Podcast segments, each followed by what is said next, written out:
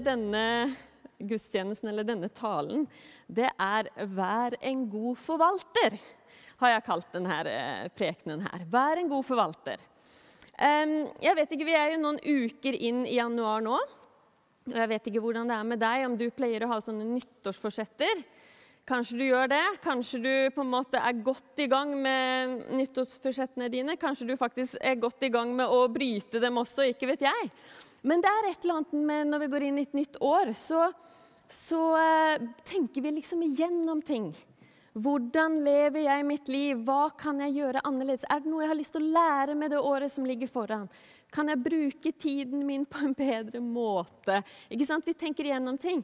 Og jeg tror at grunnen til dette her er at Gud han har skapt oss til å forvalte rett og slett. Og Derfor tror jeg når vi går inn i nye sesonger, så på en måte kommer dette opp i oss. Hvordan forvalter jeg egentlig livet mitt? Hvordan forvalter jeg egentlig tiden min? Er det, er det noen justeringer som skal gjøres her? Eh, så eh, vi lever jo i veldig spesielle tider nå.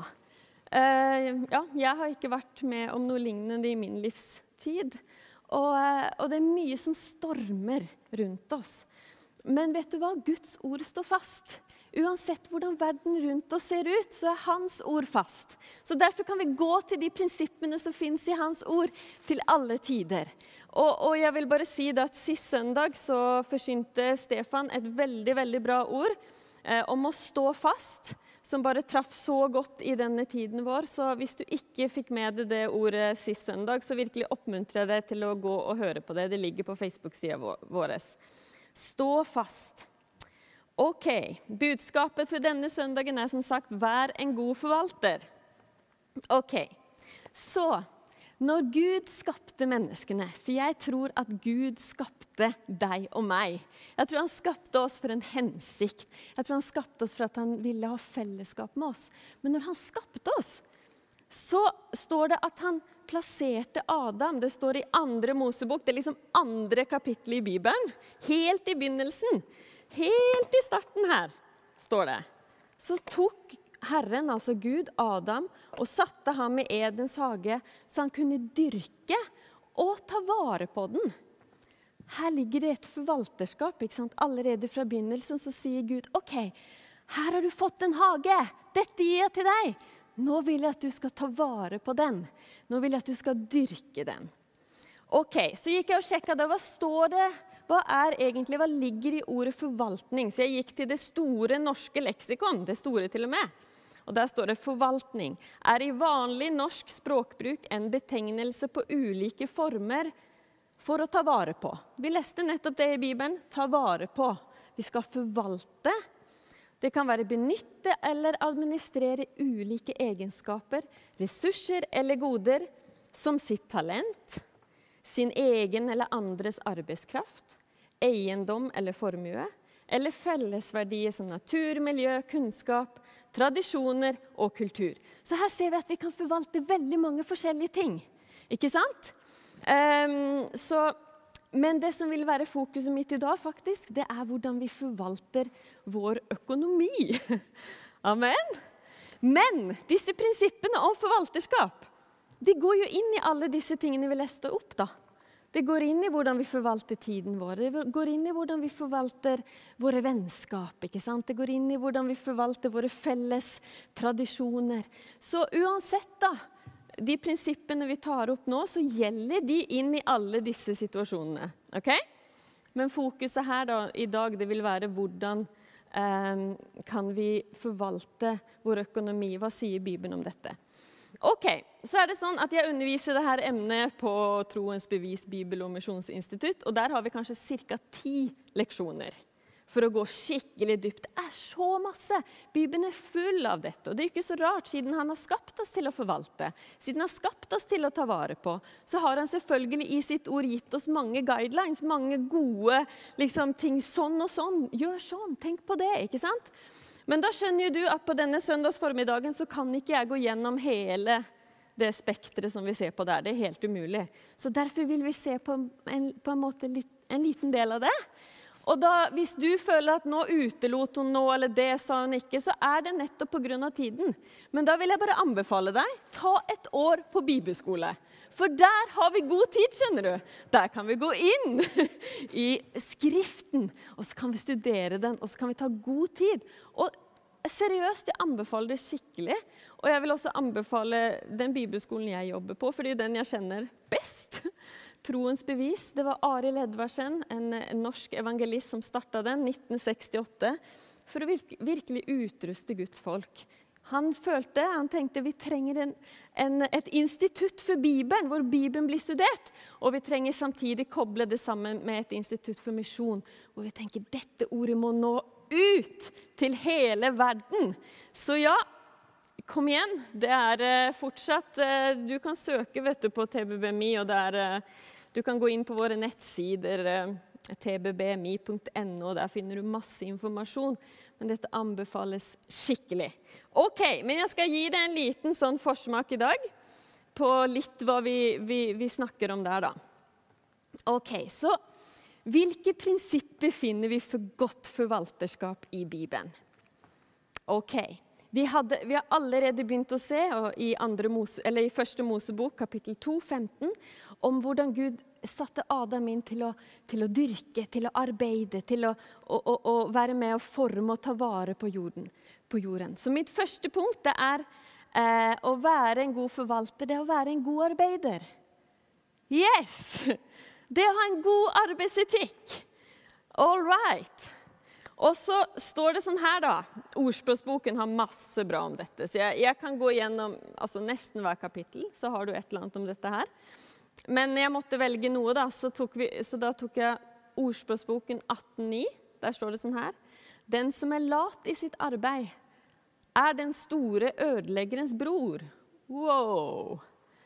Tenk på det. Gud sier hvis du, hvis du er liksom litt lat, du ikke, liksom, gir ikke full guffe, så, så er det du er ikke med å bygge, men da er du med å ødelegge. Så selvfølgelig, i godt forvalterskap, så handler det om å være flittig. Være flittig, gjøre ditt beste der hvor du er. Um, på, din, på, din, arbeidsplass. Og en, um, et viktig, et, et, herlig vers i, i Nytestamentet, det er Kolosserne 3.23. Der står det sånn her det, det dere gjør, gjør det av hjertet som for Herren og ikke for mennesker. Det dere gjør, gjør det av hjertet som for Herren og ikke for mennesker. Og I verset før så står det eh, For vi skal ikke adlyde med øyentjeneste. Vi skal liksom ikke bare gjøre det når folk ser på det. Men vi skal gjøre, vi skal lyde, vi skal gjøre jobben min av hjertets oppriktighet. Og her er det så mye bra. Tenk at Gud kaller oss til å arbeide. Tenk at han sier at arbeid er godt. Hæ? Så når vi arbeider, så gjør vi en tjeneste for Gud. Og vi kan gjøre de tjeneste for Gud om folk ser det, eller om folk ikke ser det.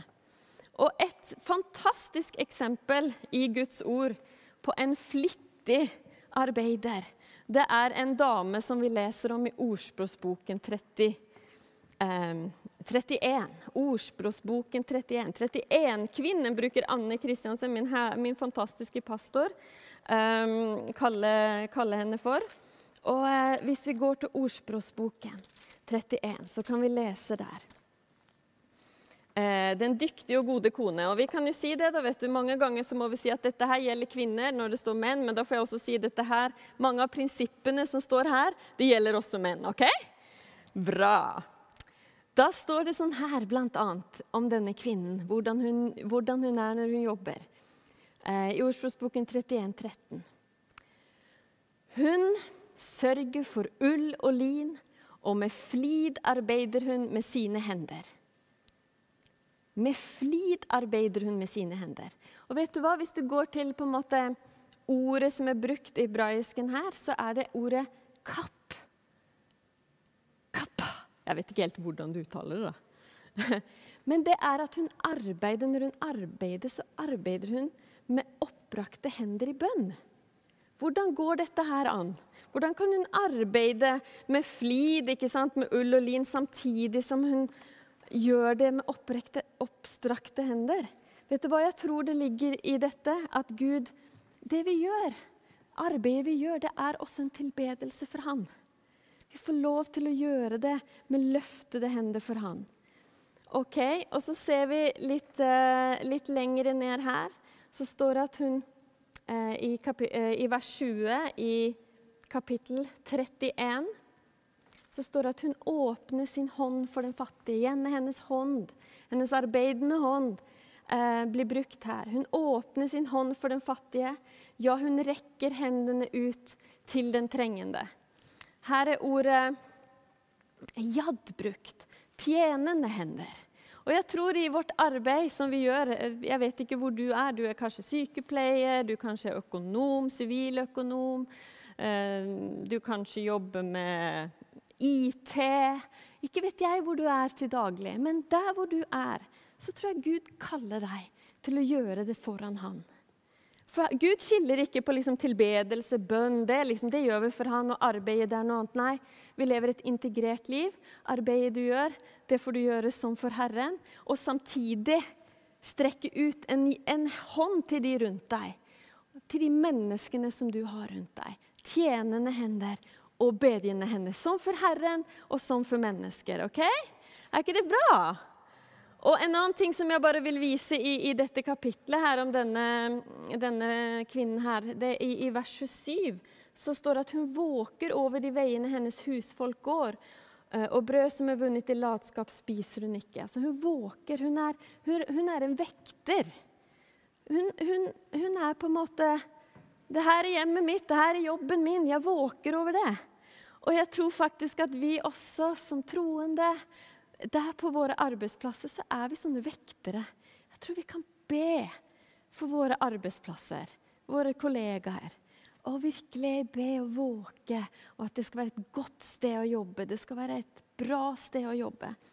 Og vet du hva, nå vet jeg jo I denne tiden så er det ikke alle oss som Kanskje vi til og med har mista jobben. Kanskje vi er permittert. Kanskje du heller ikke kan jobbe, for du, liksom, helsa de sier at du ikke kan gjøre det. Men jeg, jeg, tror virkelig på dette her, at Gud, han Hvis du har mista jobben, så kan han gi deg en ny jobb. Og i mellomtiden så kan du på en måte bare søke Gud. Hva kan jeg gjøre i denne tiden? I denne tiden hvor jeg har mer tid. Er det noen jeg kan hjelpe? Er det noen jeg kan strekke ut en hånd til? Trenger de noen i kirka? Noe som jeg, jeg kan hjelpe til med? ikke sant? Så kan vi få lov til å å være arbeidende. Og hvis du ikke har mulighet til å jobbe pga. helse, så vet jeg at det, altså Gud han ser jo det. Men det som du får til, det kan han være med og velsigne. Og, og, når vi snakker om arbeid her, så tenker jeg ikke bare da yrkesaktivt arbeid ute. selvfølgelig. Jeg tenker jo på eh, alle hjemmearbeidende mødrene og fedrene. Og nå er vi jo hjemmearbeidende hele gjengen snart, for vi har hjemmekontor. Men ikke sant, den jobben vi gjør i hjemmet, damer, det er så viktig. Og den gjør vi flittig med barna våre og hjem, med hjemmene våre. Det kan få lov til å være en sånn plass hvor hendene løftes opp til himmelen, og hvor hendene strekkes ut til mennesker rundt oss, naboer rundt oss. Oh yes! Det Så første punkt. Gud ønsker eh, at du skal være en god arbeider. Vær en god arbeider. Jobb flittig. Jeg må bare si det før jeg går videre til neste punkt, at dette her innebærer jo ikke at du skal jobbe 24-7, for Gud har sagt hviledag. Jeg tror vi blir en god arbeider når vi tar oss en skikkelig god hviledag. Det har Gud faktisk til og med sagt. I, i de ti bud så skal vi ære hviledagen. Så det tror jeg hører med inn i denne summen. Hvil innfor Herren, jobb for innfor Herren. OK, neste punkt. Er du klar for neste punkt? Eh, et annet prinsipp som vi finner i Bibelen når det gjelder det med økonomi, det er å investere og spare. Altså investere, spare, altså tenke fremover. Uh, develop, gjøre, ikke bare jobbe, jobbe, jobbe, bruke, bruke, bruke, men faktisk gjøre mer ut av det vi har. OK? Uh, så kan, du kan se i Ordspråksboken 1311. Der står det sånn her. Rikdom vunnet ved uærlighet svinner bort.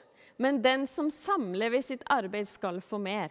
Så her ser vi liksom på en måte at vi kan få bygge noe. Vi bygger. Vi, vi er liksom ikke ute et sånn urett vinning, kjapt, kjapt, kjapt. Nei, det er noe med å bygge her. Vi kan få lov til å vente. Vi kan, vi kan liksom planlegge i, i, økonomien vår og, og med, med livene våre hvordan vi ønsker å gjøre ting. Vi ser dette prinsippet på forskjellige måter i Bibelen. Vi ser det med Josef. ikke sant? Han eh, fikk jo tyde faraos drøm. Og hvor resultatet ble at de sparte når det var gode tider, sånn at de kunne bruke det i, i dårlige tider. Og dette er jo et prinsipp som mener, land bruker i dag. Eh, økonomiske prinsipper om å, å, spare i gode tider, holde litt igjen. Spare på så vi kan bruke i tider hvor det er vanskelig. vanskeligere tider. Men igjen så ønsker jeg å se på da uh, 31-kvinnen, som vi kaller henne. For hun var en sånn her gründer. Hun var en sånn uh, invest investor, altså. Hun var en skikkelig dame, altså. Jeg liker henne her. og hun, hun, Hva skal jeg si? Jeg, jeg er ikke skikkelig flink på det her selv.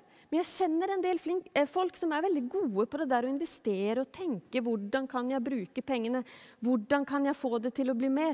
Og det, det er bare så inspirerende. Og jeg bare mm, jeg tenker hjelp, Anna, du må, her, må du, her er det nok noe du må ta tak i. Ja.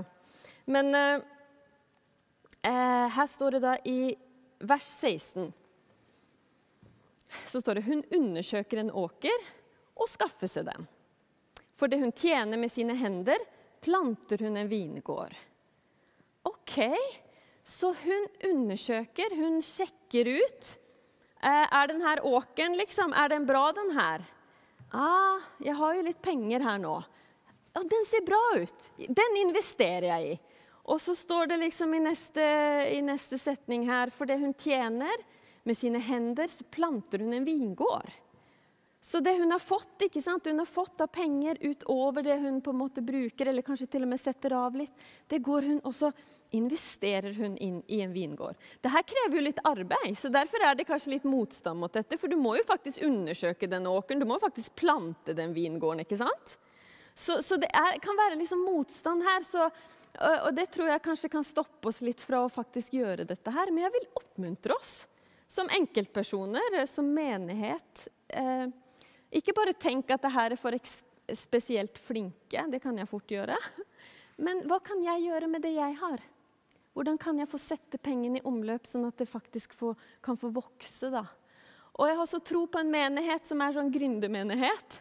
Hvor, hvor, vi ser på en måte at, at For det her er jo med å skape jobber til folk òg. Det er jo sånn jobber kommer til. At noen liksom får en idé, starter et, en bedrift eller sånn og sånn, så, får, så, er det til velsignelse for andre. Og Et godt eksempel fra historien i Norge da, Jeg har lest en bok nå om Hans Nilsen Hauge. Han var en vekkelsespredikant på 1700-tallet, slutten av 1700-tallet, begynnelsen av 1800-tallet i Norge. Uh, han, han, gikk og preka rundt omkring i landet. Men han var ikke bare predikant, han var en skikkelig gründer. Veldig interessant å lese altså, hva, hva, hva han gjorde. Ofte når han kom til bønder, så hjalp han dem. Liksom, hvordan kan dere gjøre dette bedre? Hvordan kan dere drive jordbruk bedre? Hvordan kan dere bruke, liksom, bruke skogen bedre for å, for, å, øke potensialet? Han, eh, han, ble handelsmann i Bergen en periode. Og, og som handelsmann så oppdaga han andre steder som var til salgs, og så kobla han kristne til å kjøpe de stedene. Så det var, liksom, det var på en måte en sånn oppvåkning, tror jeg også, eh, blant de kristne. At vi kan, vi, arbeid er godt. Og vi kan være med, og vi kan være med å jobbe, og vi kan være med å gi andre mennesker jobb, og vi kan kanalisere det inn i Guds rike. Um, og uh, En annen ting som han gjorde, det synes jeg bare er veldig interessant, han kjøpte et boktrykkeri. Og han kjøpte et sted for, uh, hvor de lagde papir. Og på denne måten da, så kunne han trykke opp eh, bøker. Han, jo, han underviste. Han, det er så masse å si om han. Jeg, unnskyld, jeg prater veldig fort her. Han, Hans Nilsen Hauge han måtte sitte i fengsel ganske mye også, fordi de likte ikke at han prekte.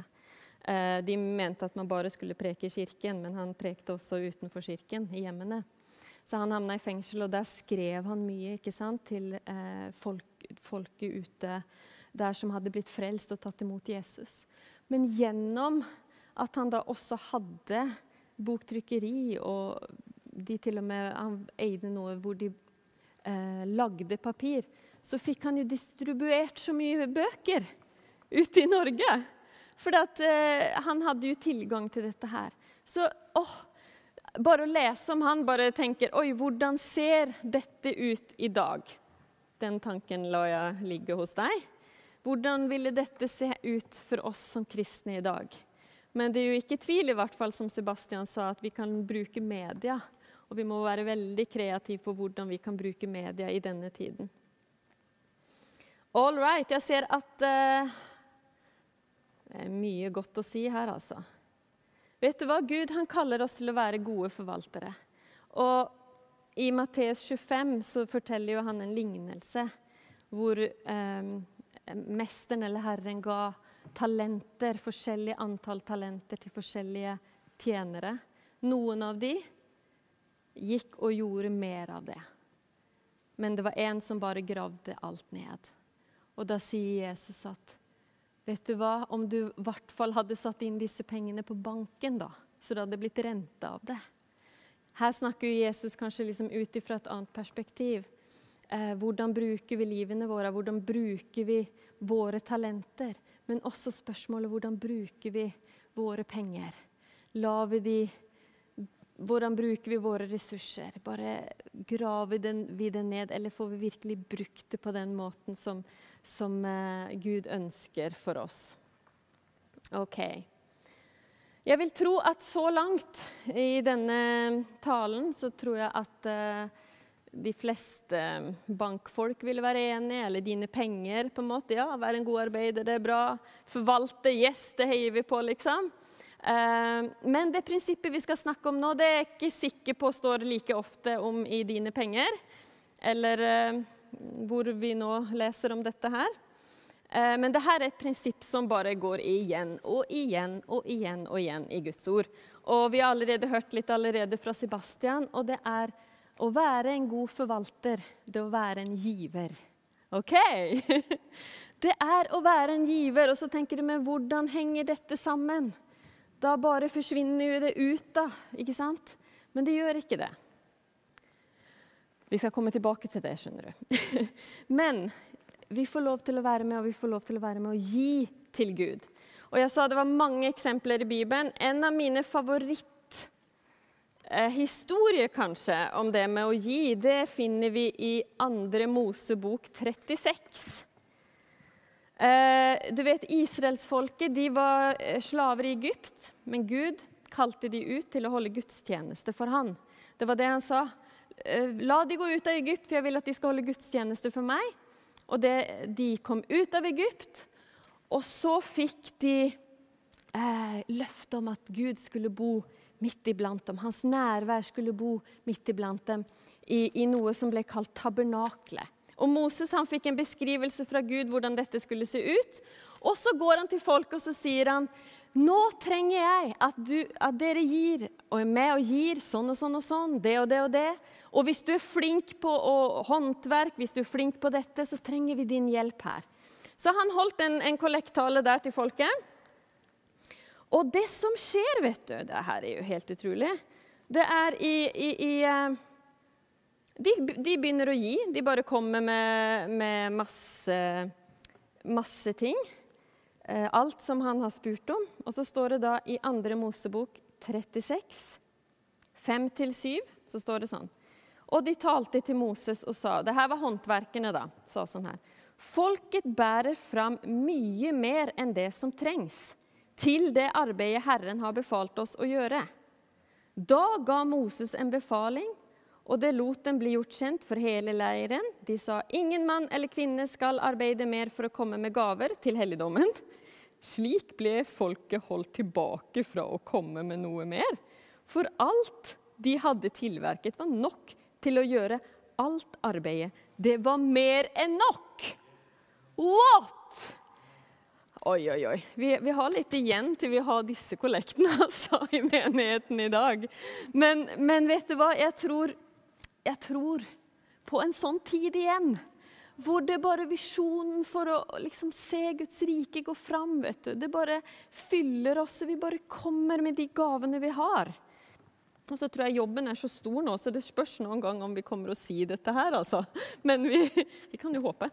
Uh, OK. Så vi har også noen lignende historier i Nytestamentet hvor, samle, hvor de samla inn en gave til de kristne i Jerusalem. Eh, og hvor, eh, og hvor eh, vi, vi, bare ser hvordan Guds folk kom sammen for å gi. Og du, når du leste til, til eh, kollekttalen i dag, eller når du skulle fortelle om kollekten og ga noen ord der, så leste du fra 2. Korinterbrevet 9. Og der står det også i kapittel 8 så står det om, eh, om eh, menigheten i Makedonia. De var ganske fattige sjøl, men de ville bare virkelig være med å gi til eh, menigheten i Jerusalem, som de, som de skulle være med å gi inn til. Så de, de, de bare ba nesten om å få lov til å være med å gi.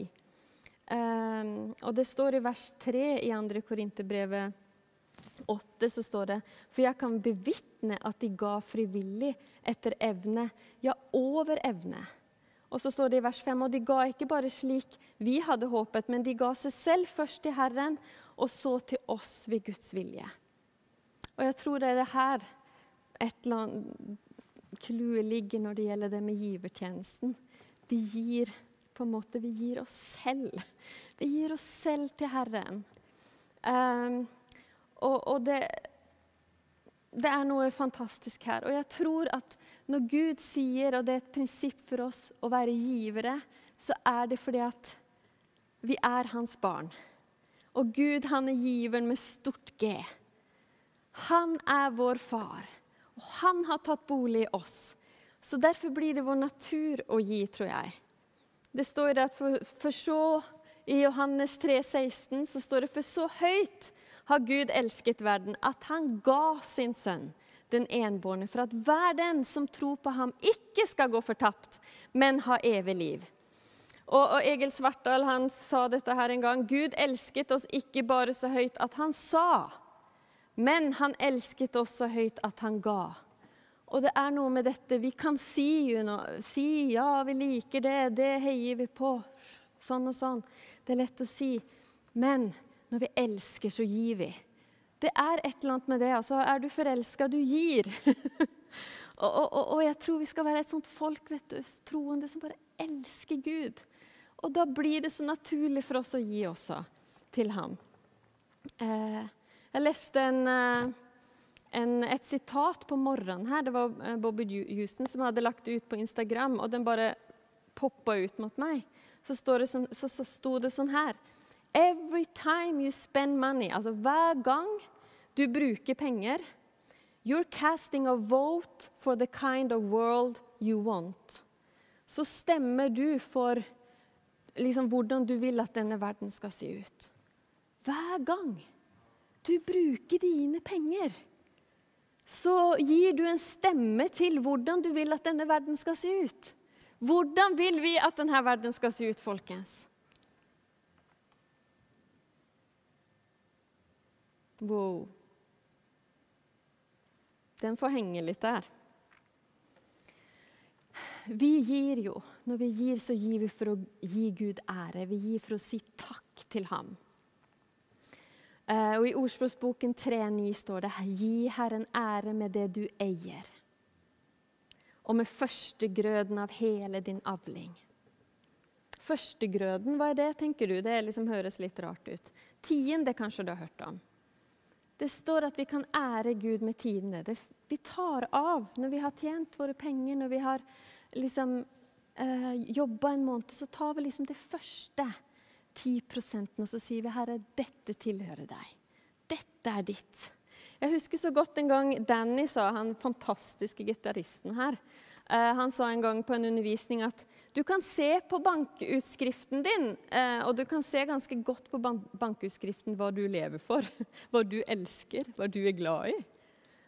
Og ja, jeg gjorde det en gang. Det var før du underviste. men eller ja, det gjør en gang. Jeg har jo sett, sett på bankutskriften før, mer enn én en gang. altså. Men en gang jeg gjorde det, så oppdaget jeg oi, her var det mange blomsterpotter. Ja. Jeg hadde kjøpt veldig mange blomsterpotter den der eh, måneden der, og, og blomster. Og, og, og, jeg er faktisk fortsatt sånn. Mannen min bare 'Å, kommer du hjem nå igjen med en ny blomsterpotte?' Vi har ganske mye blomsterpotter nå. Vi har også ganske mange putetrekk i sofaen. Jeg tror ikke vi trenger flere nå, eller puter i sofaen, liksom. Men det er noe med at jeg liker det, syns det er koselig, det er vakkert. ikke sant? Og det avspeiler seg på min, på min bankutskrift. Men hvordan avspeiler det seg på din bankutskrift i forhold til eh, hjertet ditt for Gud, hjertet ditt for mennesker, om de skal få lov til å bli kjent med Jesus. Vises det på bankutskriften din og min? Vises det? All right? Det står at vi skal gi tiende og hellige gaver. Og i Malaki 3,10 så står det sånn her Bring hele tienden inn i lagerhuset, den lokale menigheten, som Sebastian sa, så det kan være mat i mitt hus. Prøv meg nå i dette, sier hærskarenes herre, om jeg ikke vil åpne himmelens sluse for dere, at det ikke er rom nok til å ta imot den. Gud han ønsker at, eh, at vi skal få være med å gi, og han ønsker å velsigne oss. Og det å gi er faktisk en investering. Det er en investering, det er et forvalterskap. Gud har gitt oss sånn at vi kan gi videre. Han har gitt oss evnen å jobbe, han har gitt oss evnen å, å investere. Eh, og, og, og, også for at det skal få kanaliseres gjennom oss.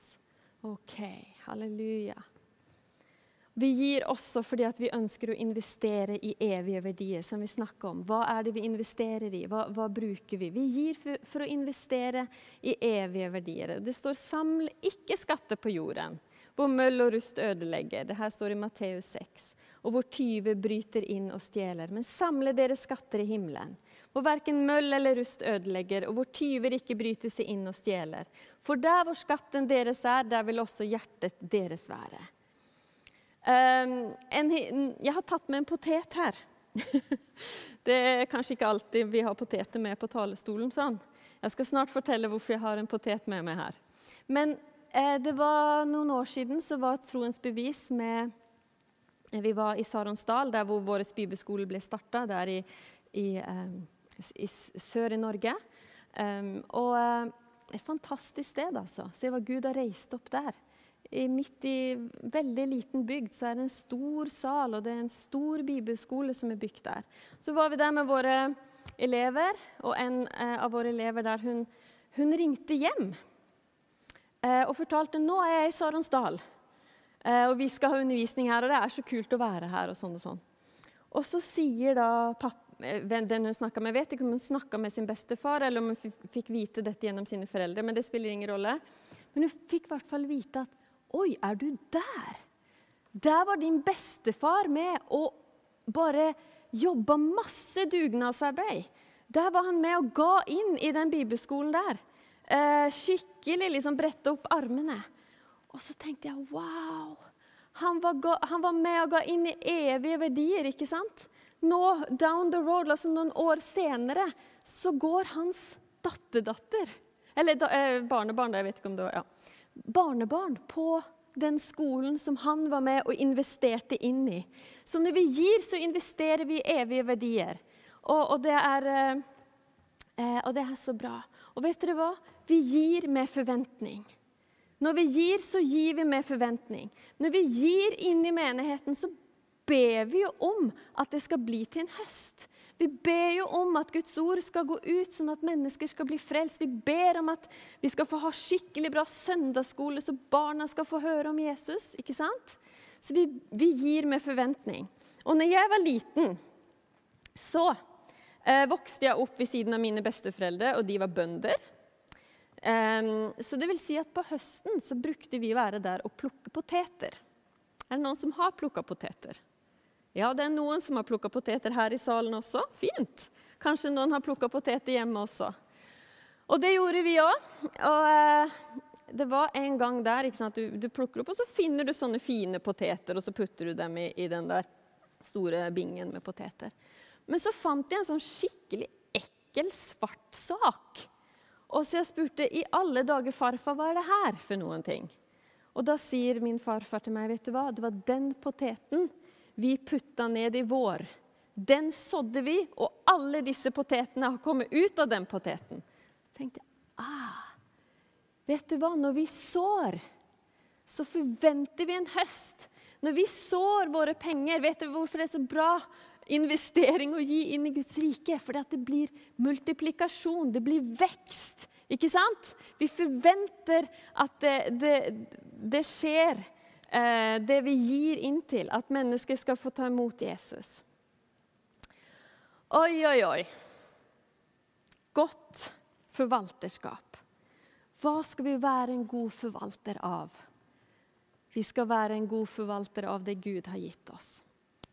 Og Egentlig så går vi bare inn i liksom, utgangspunktet nå. For vet dere hva? Gud er vår kilde. Det er han som har gitt oss alt fra starten av. Det er han som har gitt oss den jobben, eller kommer til å gi deg den jobben du skal ha. Og det er han som har gitt oss kraften. Det er han som har gitt oss eh, naturressursene, det som er rundt oss. Han er vår kilde. Vet du hva? Din arbeidsgiver, din bankkonto, kan aldri være din, være din kilde, men det er Gud som er vår forsørger. Gud er min kilde. Og i denne tiden hvor det er så mye usikkerhet, så er det her så godt og trygt å vite at jeg står på klippen, at Gud er pappaen min. Han tar vare på meg. Jeg trenger ikke å bekymre meg, for han vil passe på meg. Og jeg vil fortelle en historie. Skal snart, vi skal snart avrunde her. Um, faktisk samme dag i dag så preker min mamma også i sin kirke. Også sånn her digital overføring. Uh, hun fortalte meg et vitnesbyrd hun ville fortelle i, i, sin preken. Så den jeg har lyst til å fortelle her også. Når jeg var um, tenåring, så var jeg på en konferanse, en sommerkonferanse. Uh, og Der gjorde de reklame for en kristen videregående skole. Og Jeg fikk så lyst til å gå på den. Men det ville bety at jeg måtte flytte et annet sted. Og kanskje også til og med da flytte fra familien min. Men jeg fikk det skikkelig i hjertet mitt. Og så når vi kjørte hjem fra denne konferansen og vi satt i bilen der familien var samla, så sier jeg det til min mamma og pappa. vet du, Jeg skulle så veldig gjerne gå på den skolen der. Og så sier de oi, wow, interessant, for vi kjenner også på at jeg tror liksom Gud kaller oss til å gå på bibelskole. Og, og, jeg tenkte wow, det er jo helt toppen, for da slipper jeg å flytte fra familien. Da kan vi flytte alle sammen, tenkte jeg. Det er jo helt, helt super. Eh, men ikke sant, dette her innebar jo når mamma og pappa begynte å gå i den retningen av å flytte og gå på bibelskole, så måtte de få permisjon fra ganske gode jobber. Flytte fra et ganske så fint hus. ikke sant? Og de måtte jo begynne å jobbe deltid dit hvor de kom, for det var jo bibelskole på formiddagen. Um, og de jobba helt andre typer jobber enn det de, de, hadde gjort der jeg kommer ifra. ikke sant? Og ikke nok med det. Samme år som vi flytter og skal gå bibelskole, så blir det sånn skikkelig økonomisk krekk. da. Dette var på 90-tallet, og noen kanskje husker det, men rentene bare gikk rett i været. Så samtidig som mamma og pappa fikk mindre eh, innkomst, mer utgifter, så gikk sånn bibelskole og alle disse tingene her, så gikk også rentene opp i været. Og det var bare sånn Wow, Gud! Hva skal vi gjøre? Men skal jeg si deg en ting? Gud sørger for sine. Vi hadde alltid mat på bordet. Vi betalte, vi betalte, våre regninger hver måned. Og jeg var jo ikke så involvert i dette. her. Det var jo mamma og pappa som var involvert i det. Jeg var jo dattera deres. liksom. Sant? Men de sier i ettertid det bare, wow, Gud sørga for oss. Når vi følger Jesus, når vi setter ham på førsteplassen vår, da han sørger for oss. Han er pappaen din. Han er den som gir oss det vi forvalter. Og når vi har fått de tingene som han har gitt oss, så skal vi forvalte det på den aller, aller beste måten. Amen. Jeg tror jeg skal stoppe der. Og så skal jeg bare si det at det står i Bibelen at Isak, det var Abrahams sønn, han sådde når det var hungersnød i landet. Midt i en tid som vi står overfor nå, kanskje, så sådde han, og han fikk hundrefold. Vet du hva? Jeg tror at du i ditt liv kan være med å ta noen avgjørelser. At det skal vises på din bankutskrift hvem du elsker. At det skal vises gjennom livet du lever. Å, at Jesus er den du følger. Og du skal se når du ser på din bankutskrift Wow, der var han med og hjalp meg. Der var han med og hjalp meg. Der sørga han for meg. Han er min forsørger. Han er min kilde. Amen. Takk, Jesus. Jeg bare ber om de ordene som har gått ut her i dag, Jesus. Mange forskjellige ting. Men jeg bare ber, far, om at du skal bare hjelpe oss på arbeidsplassene våre, Jesus. Jeg ber om at du skal hjelpe oss å bruke pengene på en god måte, Jesus. Og ikke minst å be om at vi skal få lov til å være givere, som gir ut av kjærlighet til deg og til mennesker rundt oss, far. For du, du du elsker mennesker, og du vil at vi skal være med og hjelpe andre mennesker rundt oss, Herre. Til å se deg, til å ha det de trenger, Herre. Så gjør oss til dine tjenere. Gjør oss til gode forvaltere, Herre, av det du har gitt til oss. Og vi ber i Jesu navn. Amen. Takk, Jesus. Amen.